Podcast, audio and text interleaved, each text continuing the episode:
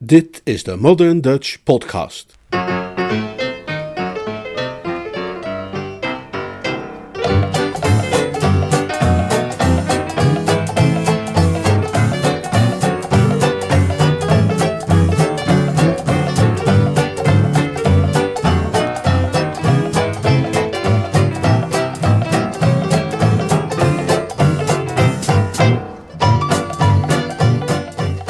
Bramley montert je op.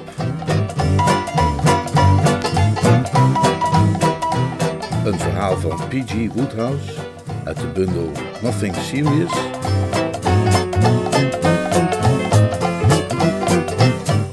Vertaald en voorgelezen door Leonard Beuger.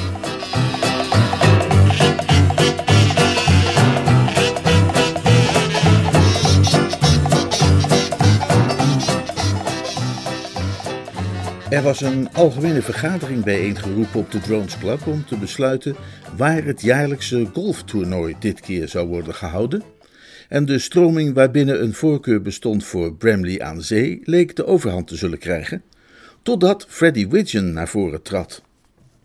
In een gepassioneerde toespraak waarschuwde hij zijn toehoorders die gruwzame plek tot op geen vijftig mijl te naderen en een dermate levendig beeld wist hij te schetsen van Bramley aan zee als een plaats waar de wetten der wildernis heersten en iedereen zomaar van alles kon overkomen, dat die toehoorders met hem meebewogen als riet in de wind en de keuze tenslotte vrijwel unaniem viel op Cooden Beach, als voorgesteld door de tegenpartij. Aan de bar werd zijn gedrevenheid besproken. Freddy houdt duidelijk niet van Bramley, zei een kale die daarover had nagedacht met behulp van een pink gin. Uh, wellicht, opperde een snor. Wellicht omdat hij daar als kind op school heeft gezeten. De baardmans die erbij was komen staan, eh, schudde zijn hoofd. Nee, dat, uh, dat is het niet hoor, zei hij. Die arme Freddy heeft onlangs iets bijzonder pijnlijks meegemaakt in Bramley, wat erop uitdraaide dat het meisje waar hij verliefd op was hem de bons gaf. Wat, alweer? Ja, wonderlijk is dat, hè, met Freddy, zei de baardmans en nipte aan een bedachtzame martini. Hij valt altijd gemakkelijk in de smaak, maar het lukt hem nooit zo erg om ook in de smaak te blijven. Een kei in het versieren, maar helaas al even geroutineerd in het weer worden afgewezen. En uh, welke joffer was het deze keer die hem de laan uitstuurde? vroeg een geïnteresseerde oliekoek. Uh, Mavis de dochter van Lord Botcham. Maar verdorie zeg, zei de oliekoek. Dat kan toch niet kloppen? Die heeft hem al eeuwen geleden aan de kant gezet. Daar heb je ons zelf toch over verteld. Die keer in New York, toen hij te maken kreeg met dat mens in die roze ochtendjas vol hemelsblauwe knuffelpartietjes. De baardmans knikte. Ja, dat klopt helemaal. En bij die gelegenheid kreeg hij, zoals je zegt, inderdaad zijn congé. Maar Freddy weet behoorlijk goed zijn woordje te doen als je hem de tijd laat om zijn verhaal een beetje goed te buigen en te plooien. En op de terugreis naar Engeland heeft hij zijn gedrag kennelijk op de een of andere manier recht weten te praten. Ze heeft hem weer in genade aangenomen, voorwaardelijk zeg maar. Het idee was dat als hij aantoonde betrouwbaar en serieus te kunnen blijven, die huwelijksklokken alsnog zouden kunnen gaan luiden. Maar indien niet, dan ging er ook niets klingelen. Zo stonden de zaken ervoor toen hij vernam dat zij en haar vader van plan waren de zomermaanden door te brengen in Hotel Magnifique in Bramley aan Zee. Bij dat nieuws ontwikkelde Freddy uiteraard onmiddellijk de behoefte, zei de baardmans, zelf ook een bezoekje aan die badplaats te regelen. En hij zette zijn ganse intellect in op het vinden van een methode om dat voor elkaar te krijgen. Hij schrok ervoor terug zijn schaarse middelen te besteden aan een hotel, maar aan de andere kant voelde hij zich eigenlijk ook weer te goed voor een eenvoudig pension, zodat er, zoals dat heet, een impasse dreigde te ontstaan. Waar het niet dat hem ter oren kwam dat Bingo en Mrs. Bingo voor de zomer een optrekje hadden gehuurd in Bramley, opdat Algie, de baby Bingo, toch vooral zijn portie ozon zou kunnen krijgen die zomer. Bramley, dat heeft u ongetwijfeld ook gelezen op die affiches, mondt je enorm op.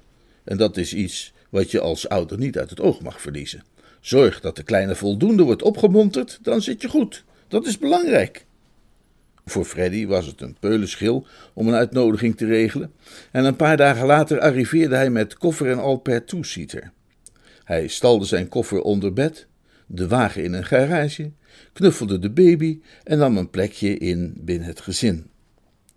Veel kerels zouden bezwaar hebben gehad tegen de aanwezigheid in het pand van een minderjarige in de fles- en speenklasse, maar Freddy is altijd een opmerkelijk sociaal vaardig type geweest en die Dreumes en hij konden het vanaf het allereerste begin met elkaar vinden als een stel zeelieden met verlof aan de wal. Het werd al snel een gewoonte voor hem om die hummel mee te nemen naar het strand en waakzaam op hem toe te zien terwijl het ukkie wat rondrommelde met zijn emmertje en zijn schepje. En het was op een zonnige dag dat hij weer op die manier als spelbegeleider of persoonlijke strandwacht bezig was, dat er een weldoorvoed meisje met gouden krullen voorbij kwam en bleef staan om Bingo's nageslacht met gulle glimlach nader te bestuderen. Bouwt de kleine een zandkasteel? Vroeg ze. Tja, uh, ja en nee, antwoordde hij beleefd. Hij denkt zelf van wel, maar als het mij vraagt, is er weinig constructief resultaat van te verwachten. Nou ja, zolang het kind maar gelukkig is, hè? Ja, precies. Lekker weertje. Heerlijk. Uh, kunt u mij ook zeggen hoe laat het precies is? Op de kop af, elf uur. Oei, zei het meisje. Dan moet ik me haasten, anders ben ik te laat. Ik heb op de pier afgesproken met een vriend om half elf. En dat was alles. Ik bedoel, gewoon een van die toevallige ontmoetingen die in zo'n badplaats zoveel voorkomen, waarbij van geen van beide zijden ook maar een woord werd gesproken dat een delicate blos op de wangen had kunnen brengen. Ik benadruk dat omdat de betreffende substantiële blondine nogal een rol zou gaan spelen in Freddy's aangelegenheden en ik van meet af aan duidelijk wil maken dat hij de hele kwestie zo schuldeloos en rein was als versgevallen sneeuw. Sir Galahad zou op zijn schriftelijke cursus kunnen hebben ingetekend. Het een dag of wat later dat hij er dankzij een aanzichtkaart die vanaf zijn Londense adres was doorgestuurd achterkwam dat Mavis en haar vader inmiddels in Hotel Magnifique verbleven. Hij sprong in zijn two-seater en reed er met kloppend hart naartoe. Het was zijn bedoeling zijn geliefde mee te nemen voor een ritje en dan onderweg ergens gezellig thee te gaan drinken. Dit plan werd echter de grond ingeboord door het feit dat ze helaas niet aanwezig was. De oude Botchum, die Freddy in hun suite in het hotel ontving, vertelde hem dat ze haar broertje Wilfred terug was gaan brengen naar zijn kostschool. Oh, die hadden we hier voor de lunch, namelijk, zei de oude Bot. Oh, echt? zei Freddy. En was hij nog een beetje smakelijk? Hij lachte een paar tellen hartelijk om zijn eigen gevatheid, maar merkte al snel dat de grap niet echt overgekomen was en trok zijn gezicht weer in de plooi. Hij herinnerde zich nu dat het met de vijfde graaf van Botium altijd al zoiets geweest was als een woensdagmiddagmatinee. Een sober en gestreng man, die onder zijn kennissen bekend stond als de vloek van de oostelijke graafschappen.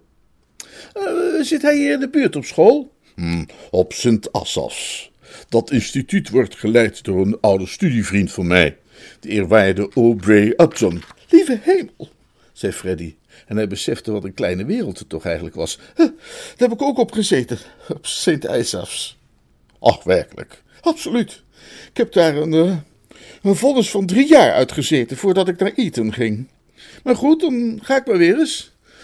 Doe uh, Mavis mijn hartelijke groet alstublieft en, en zeg hij dat ik morgen vroeg weer lustig langskom. Hij zoefde er vandoor en sprong weer in zijn wagen. Een goed half uur reed hij rond in Bramley en omgeving, om zo te zeggen met zijn ziel onder zijn arm. Hij kwam langs een plein dat Marina Crescent heette, een soort wildgroei van goedkope pensions, toen hij bemerkte dat er iets verontrustends plaatsvond in zijn directe omgeving. Langs de weg kwam er een meisje in zijn richting gelopen, een weldoorvoed meisje met gouden krullen. En ik geloof niet dat ze hem was opgevallen of als dat wel het geval was, dan had hij hoogstens tegen zichzelf gezegd: Kijk, daar heb je die substantiële blondine die ik vanmorgen op het strand ook al ben tegengekomen, en had hij er verder niet over nagedacht. Maar nu trok ze opeens zijn aandacht, doordat ze overging in een snelle galop, terwijl er tegelijkertijd een heese kreet weer klonk, enigszins zoals die van een leeuw in de woestijn die zijn prooi ruikt. En Freddy zag uit een zijstraat een oudere man opdoemen met zware bakkenbaarden, die oogde als een gepensioneerde zeekapitein of een ouderwetse drogist of iets in die geest. De aanblik verbaasde hem. Hij had altijd wel geweten dat Bramley je opmonterde, maar hij had nooit gedacht dat het zo opmonterend kon zijn als dit.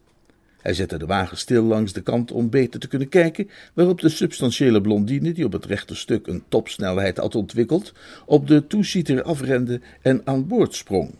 Snel, zei ze. Snel? zei Freddy. Hij was perplex. In, welke zin bedoelde je snel? vroeg hij. En hij stond op het punt nog wat dieper op de kwestie in te gaan, toen de bakkenbaarddrager langs zij kwam en hij het meisje de wagen uitwipte, alsof ze een alikruik was geweest en zijn hand een speld. Het meisje greep Freddy vast en Freddy greep het stuur vast en de bakkenbaardeman bleef het meisje vastklemmen en een tijdje lang vormden zij zo een menselijke keten. Toen klonk er een scheurend geluid en raakte Freddy en het meisje gescheiden. De figuur met de bakkenbaarden keek hem onheilspellend aan. Als wij hier niet op de openbare weg stonden, zei hij, zou ik jou afranselen met mijn rijzweep, als ik een rijzweep had. En met die woorden voerde hij het weldoorvoede meisje af en liet Freddy, zoals je je wel kunt voorstellen, nogal verdwaasd achter. Verwoed, maar voorlopig vruchteloos, zoekend naar de diepere betekenis van dit alles.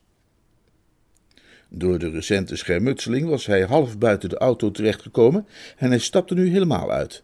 Hij was bang dat de bejaarde bakkerbaardier wellicht de lak had beschadigd. Gelukkig bleek echter alles in orde en juist leunde hij tegen de motorkap met een ontspannend sigaretje toen hij achter zich de stem hoorde van Mavis Peacemarch. Frederick, zei ze. Freddy heeft me verteld dat hij bij het geluid van die geliefde stem ruim anderhalve meter de lucht insprong, maar ik neem aan dat hij daarbij nogal overdreef. 45 centimeter misschien. Maar goed, hij sprong hoog genoeg om degene die op Marina Crescent uit het raam hingen ten onrechte te doen veronderstellen dat hij een primo ballerino was die een nieuwe danspas uitprobeerde. Oh, hallo, uh, liefste, zei hij. Hij probeerde op luchtige en nonchalante toon te spreken, maar hij kon niet anders dan tot de conclusie komen dat hij in dat streven grandioos had gefaald. Hij staarde Mavis Peasmarch aan en constateerde bij haar een soort kille onbuigzaamheid die hem niets beviel. Haar blik was ijzig en streng en haar lippen waren vast opeengeklemd. Mavis had van haar vader het streng Puriteinse geërfd dat haar oude heer zo weinig geliefd had gemaakt binnen zijn kringen in het hele graafschap, en die mentaliteit wasemde zij nu uit via al haar poriën. daar ben je dus, zei hij nog altijd mikkend op het luchtige en nonchalante. Ja, zei Mavis Peacemarch. En ik ook, zei Freddy. Dat zie ik, zei Mavis Peacemarch. Ik, uh, ik logeer bij een vriend. Het, leek me een leuk idee om hierheen te komen en jou te verrassen. Dat verrassen is gelukt, zei Mavis Peacemarch. Ze snoof alsof een felle noordwester de zeilen scheurde van een al zwaar geteisterde schuit. Frederick, wat heeft dit te betekenen? Hè? Dat meisje. Oh, dat meisje, zei Freddy. Ja, nee, ik zie wat je bedoelt. Je hebt het over dat meisje. Hoogst merkwaardig, vond je ook niet? Hoogst, ja. Sprong zomaar in mijn auto, zag je dat? Ja, dat zag ik. Oude kennis? Nee, nee, nee, mij eh, onbekend. Uh, vrijwel volslagen, bovendien. Oh ja, zei Mavis Peacemarch en snoof nog een keer zo dat het echode door de straat. En wie was die oude man? Ja, geen idee. Mij, mij ook onbekend. Nog volslagener zelfs. Hij zei dat hij je wilde afranselen.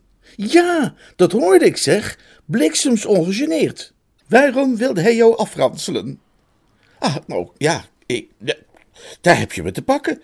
Spans gedachteprocessen zijn een gesloten boek voor mij. Ik kreeg de indruk dat hij je verweet een spelletje te hebben gespeeld met de tedere gevoelens van zijn dochter. Spelletje? Spelletje? Sinds ik hier ben heb ik absoluut nog geen tijd gehad voor, voor wat voor spelletje dan ook. Oh nee? Nou, mij lijkt de oplossing van het hele geval dat we terechtgekomen zijn in zo'n E. Phillips Oppenheim situatie. Ja, dat zou alles kunnen verklaren. Hè? Ik zie het zo, dat dat meisje is een internationale spionne. Uh, ze heeft de plannen te pakken gekregen van de fortificaties en was juist op weg om die naar een medeplichtige te brengen toen die figuur met die bakkenbaarden opdook. Iemand van de geheime dienst natuurlijk. En je kon duidelijk zien dat die bakkenbaarden een, een vermomming waren. Hij, hij dacht waarschijnlijk dat ik die medeplichtige was. Oh, zo. Ja. Uh, uh, hoe is het trouwens met je broertje Wilfred? veranderde Freddy het onderwerp van gesprek. Wil je me alsjeblieft even naar mijn hotel brengen? veranderde Mavis dat onderwerp opnieuw.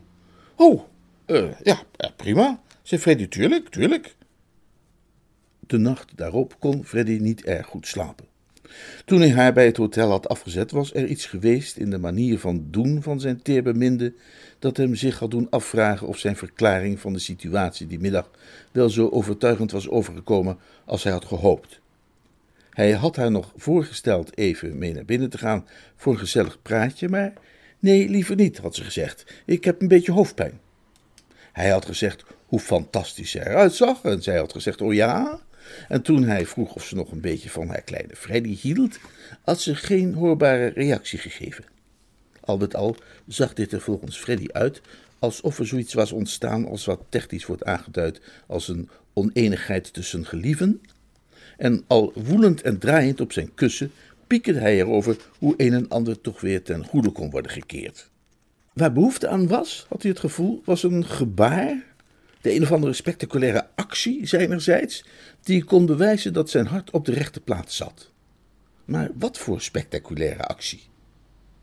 Hij speelde even met de gedachte Mavis van verdrinking te redden, maar zag daarvan af toen hij zich herinnerde dat Mavis bij de zeldzame gelegenheden dat zij te water ging zich nooit dieper waagde dan tot haar middel.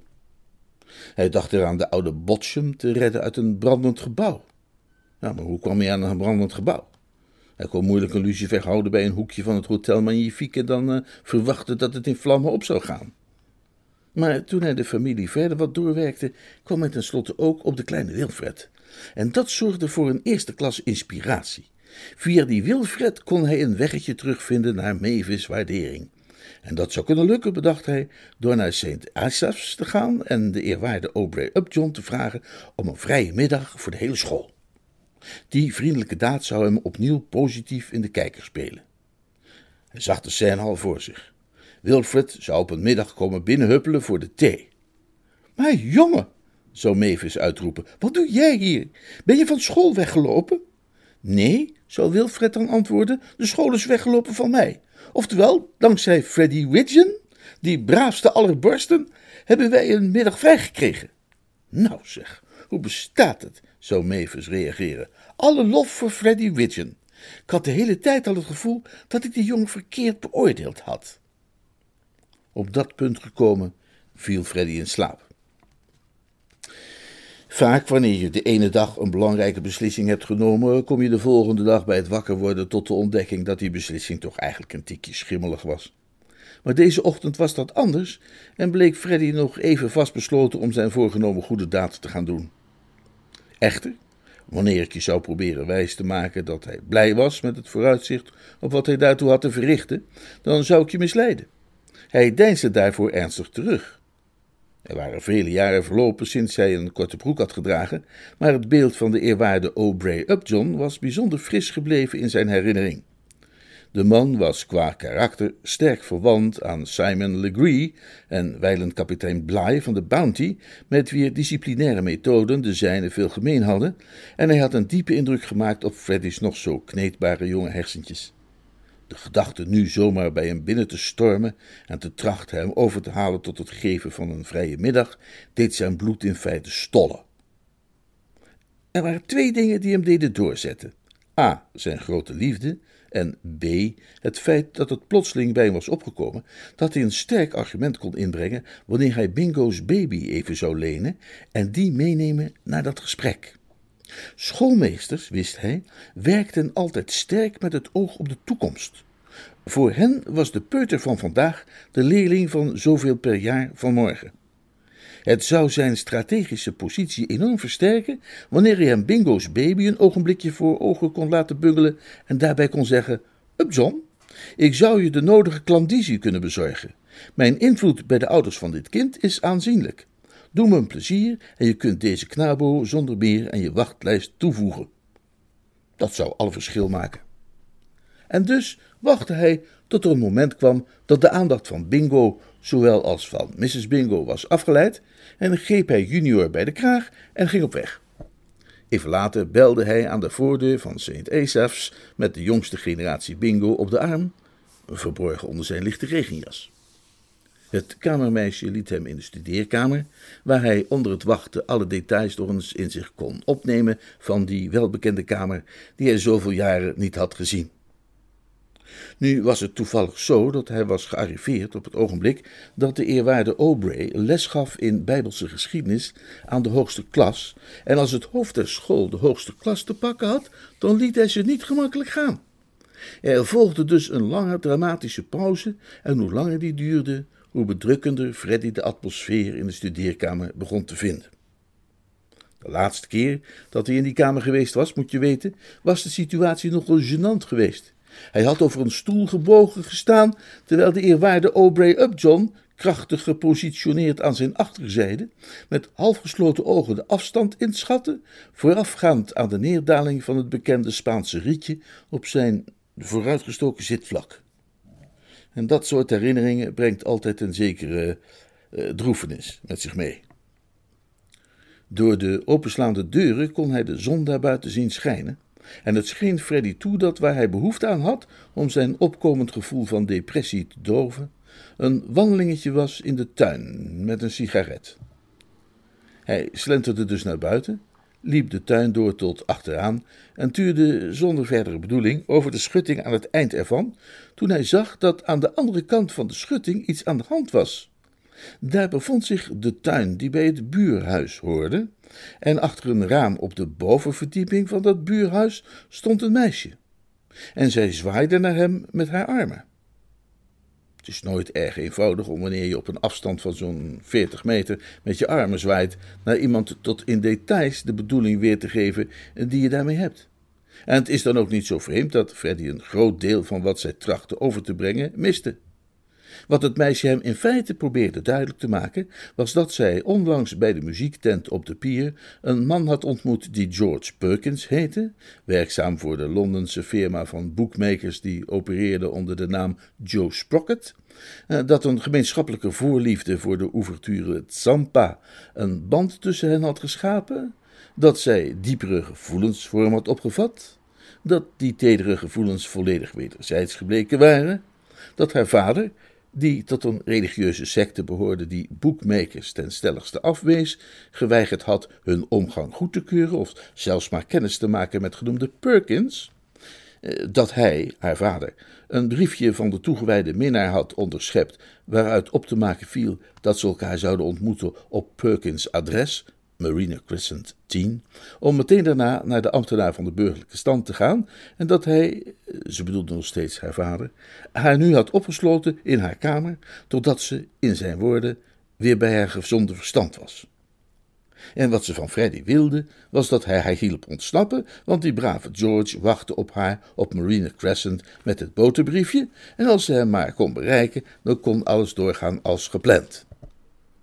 Freddy had, zoals ik zeg, dit niet allemaal precies zo meegekregen, maar genoeg om te snappen dat het hier ging om een jonkvrouw in nood, en hij was geschokt tot op het bot.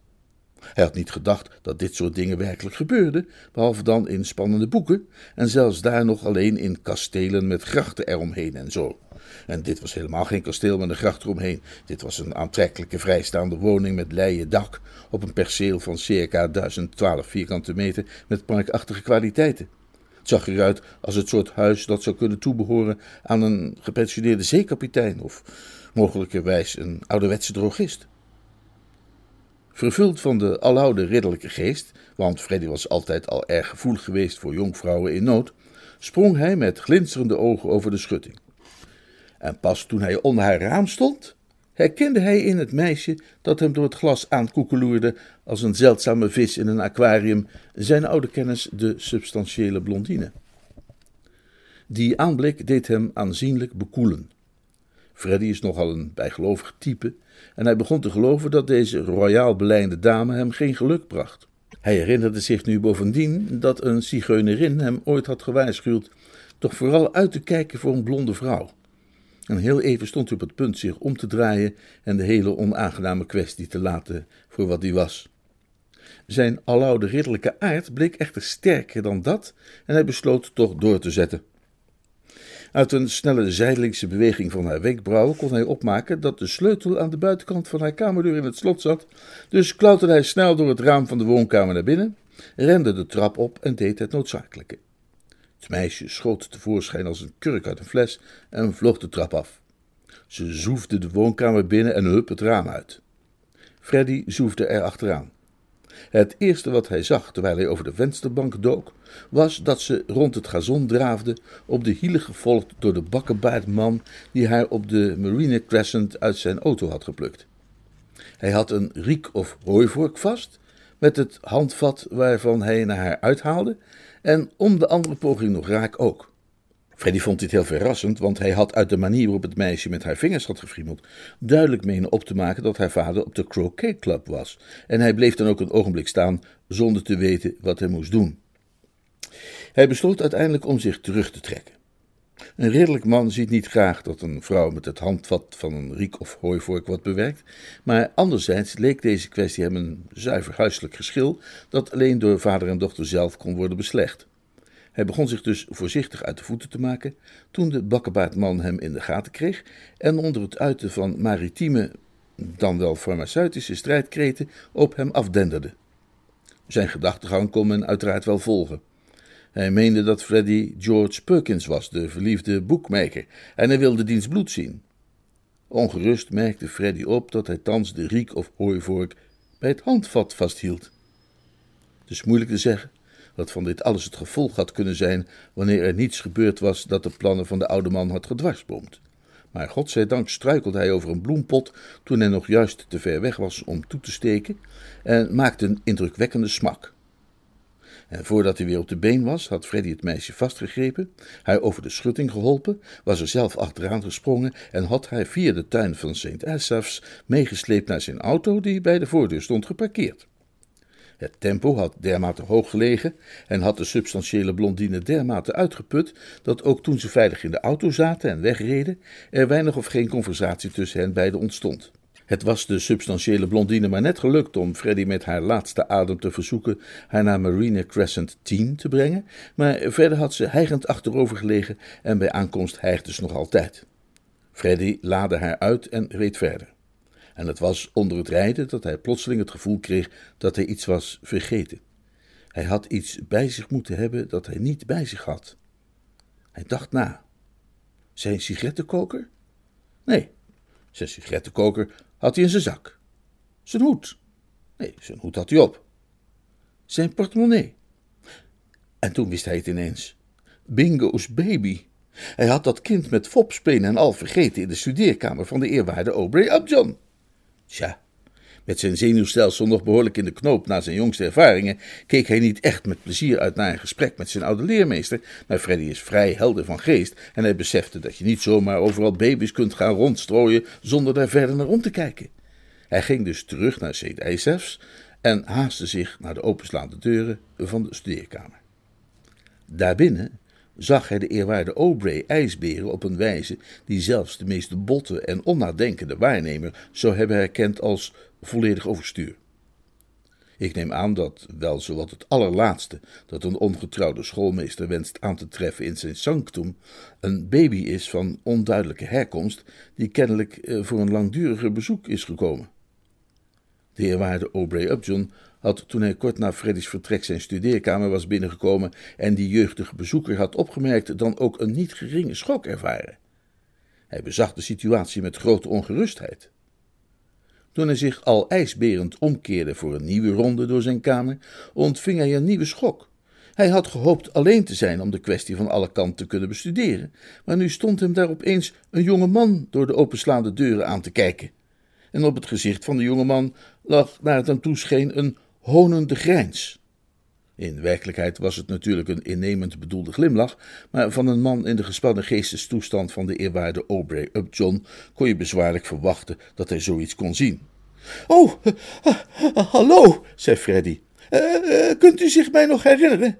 Nee, ik kan mij u niet herinneren. krijste de eerwaarde Aubrey Upjohn. Ga weg! Freddy verbreedde zijn innemende glimlach nog een centimeter of vijf. Ik, uh, ik ben een oud leerling. Widgeon is mijn naam. De eerwaarde Aubrey Upjohn haalde een vermoeide hand langs zijn voorhoofd. Men kan zich voorstellen hoe hij zich moet hebben gevoeld. Eerst die afschuwelijke schok, wil ik maar zeggen, en daarbovenop dan nog eens de terugkeer in zijn leven van een knaap die hij al jaren en jaren geleden gehoopt had voor het laatst te zien.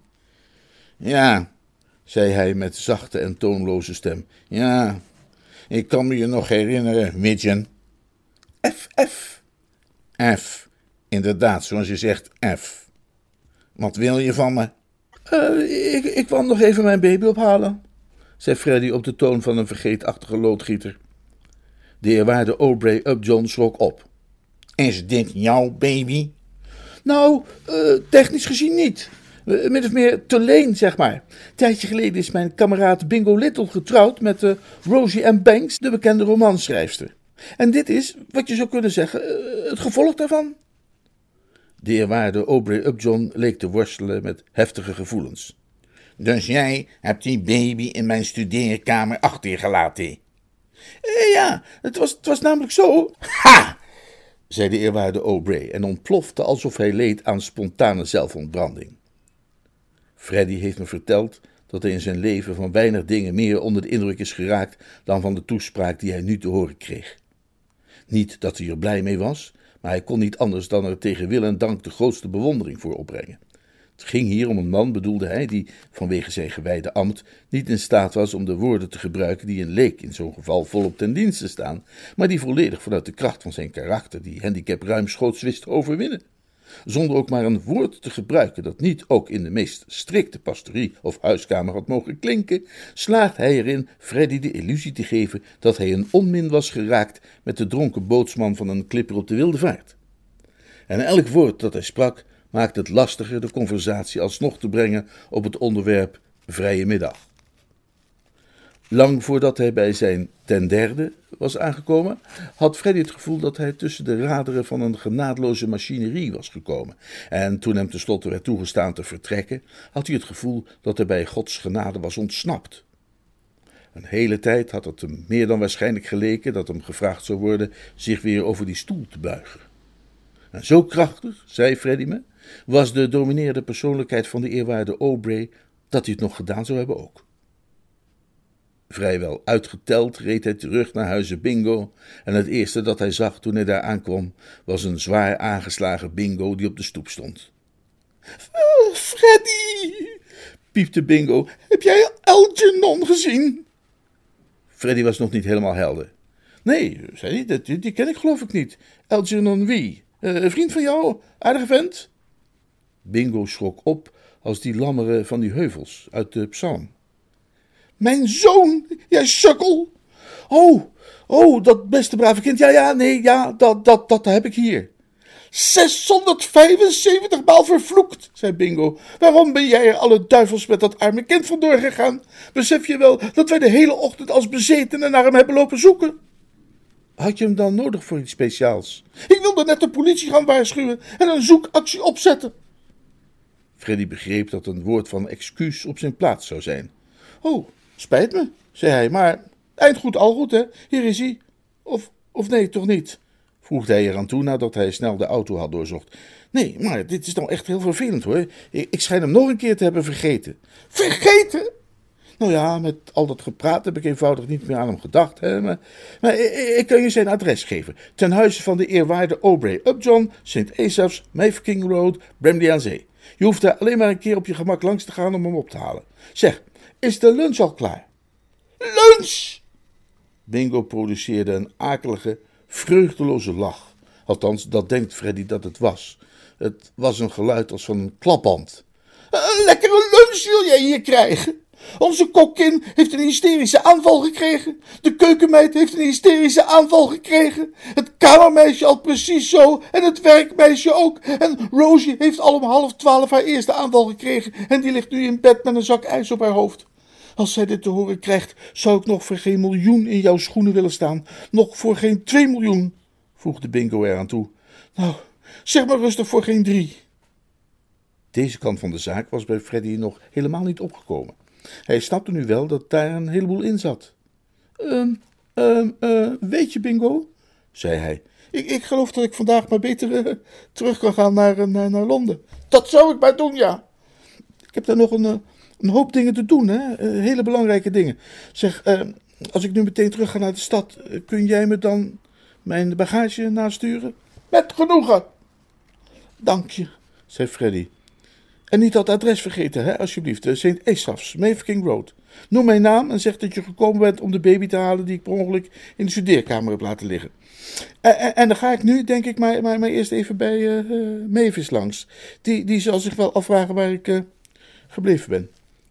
Hij ging er vandoor en liep een paar minuten later de lobby binnen van het Hotel Magnifique. Het eerste wat hij zag was Mavis, die met haar vader stond te praten naast een palm in een pot. Hallo, hallo, zei hij terwijl hij naar hen toe kuierde. Af, Frederick, zei de oude Botchum. Ik weet niet of je dat onthouden hebt, maar toen ik je laatst vertelde over die toestand met Freddy in New York, heb ik ook al eens gezegd dat het Freddy was opgevallen op een zeker moment tijdens die affaire, dat de oude Botchum sprekend de uitdrukking kreeg van een kabeljauw die iets aan zijn hoofd heeft. Hetzelfde soort omstandigheden deed zich nu voor. Frederick, ging de bot verder, wat Mavis mij zojuist vertelde, beschouw ik beslist als een smerige geschiedenis. Freddy wist niet zo snel wat hij daarop zeggen moest. Smerig. Hij had in zijn hoofd juist wat gedachten bij elkaar gebracht over hoe de moderne jonge vrouw in wezen beslist deugt, ondanks haar wat lossere taalgebruik.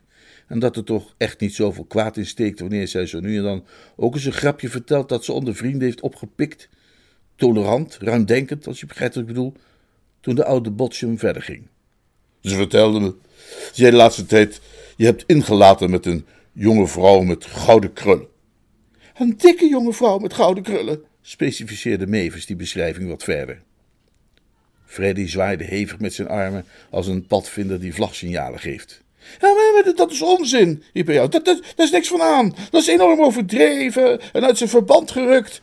Mavis, zei hij, ik ben verbaasd en gekwetst. Ik had gedacht dat jij meer vertrouwen in mij zou hebben gehad. Een vriendelijk hart is meer waard dan een gouden kroon. Oprecht vertrouwen meer dan edel bloed. Voegde hij eraan toe, want dat versje had hij altijd onthouden nadat hij het op school 200 keer had moeten schrijven als strafregel toen hij in de klas een stinkbommetje had laten afgaan. Ik heb je al eerder gezegd dat zij een volslagen vreemdeling voor mij was. En uh, hoe komt het dan dat jij vanmorgen in jouw auto met haar door de straten van Bramley reed? zei de oude Botchum. Ja, zei Mavis, dat zou ik dus ook wel eens willen weten. Mm, dat is een punt, zei de oude Botchum, waarover wij allebei graag zouden worden ingelicht. Op dit soort ogenblikken tref je Freddy nu juist op zijn best. Zijn hart klopte hem dermate in de keel dat een van zijn voortanden kwam los te zitten, maar dat was hem op geen enkele manier aan te zien. De ogen waarmee hij hen aanstaarde waren die van een even schone als schuldeloze maagd die zij hadden durven krenken met een monstrueuze beschuldiging. Ik? vroeg hij ongelovig. Ja, jij. Ik heb je zelf gezien, zei Mavis.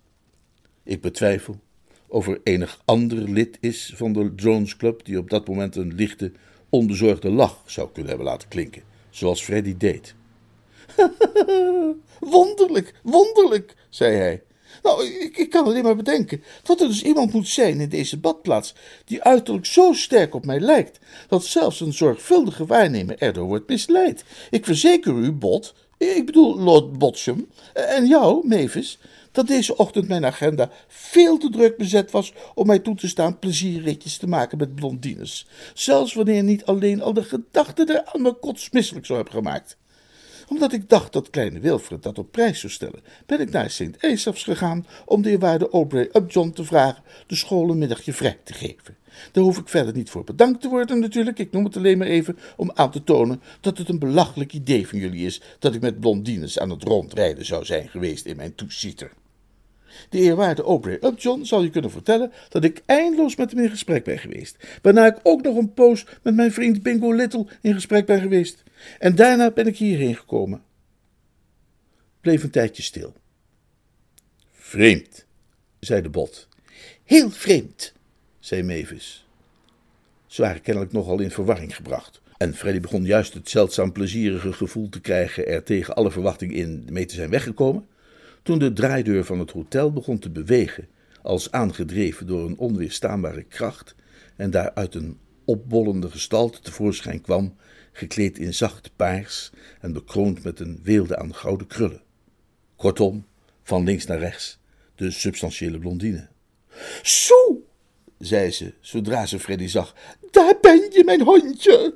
Laat mij even een ogenblikje, voegde ze eraan toe richting Mevis en de bot, die vrijwel letterlijk stijl achterover waren geslagen toen ze haar zagen. Ze stak haar arm in die van Freddy en nam hem even apart. Ik had helemaal geen tijd om je te bedanken daar straks, zei ze. En trouwens ook geen adem genoeg. Papa is erg vlot ter been. Het is doodvermoeiend om de stok van zo'n riek te ontwijken. Wat een geluk dus dat ik jou hier aantref. Mijn vriend en ik zijn onmiddellijk nadat ik bij jou wegging getrouwd voor de ambtenaar van de burgerlijke stand. En we houden hier ons feestelijk huwelijksontbijt in het hotel. Maar zonder jou zou er helemaal geen huwelijksontbijt geweest zijn.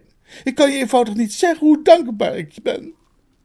En vanuit de opvatting dat daden duidelijker spreken dan woorden, sloeg ze haar armen om Freddy heen en kuste hem allerhartelijkst. Vervolgens rende ze er vandoor in de richting van de damestoiletten om haar neusje te poederen en liet Freddy daar staan als versteend. Freddy bleef echter niet lang versteend. Na een enkele snelle blik op Mavis en de oude bot maakte hij als de bliksem dat hij wegkwam via de dichtstbijzijnde uitgang. Die blik, hoe snel ook, had hem laten zien dat dit het einde betekende. De bot had Mavis aangekeken en Mavis de bot. Daarna wendde zij zich tegelijkertijd in zijn richting en keek hem aan met in hun blik iets dat hem te verstaan gaf, zoals ik al zei, dat dit het einde betekende. Hij mocht dan altijd goed zijn woordje weten te doen. Er waren sommige dingen die zelfs hij niet kon recht praten, en dit was er één van. Dat is waarom als ons jaarlijkse golftoernooi ditmaal gehouden zou zijn te Bramley aan Zee, onze Frederick Widgeon, een jongen met een handicap van 24, niet tot de deelnemers zou hebben behoord. Hij maakte geen geheim van dat hij absoluut de buik vol heeft van Bradley aan Zee. Als Bradley aan Zee zo nodig iemand wil opmonteren, laat het dan vooral iemand anders zijn. Zo denkt hij daarover.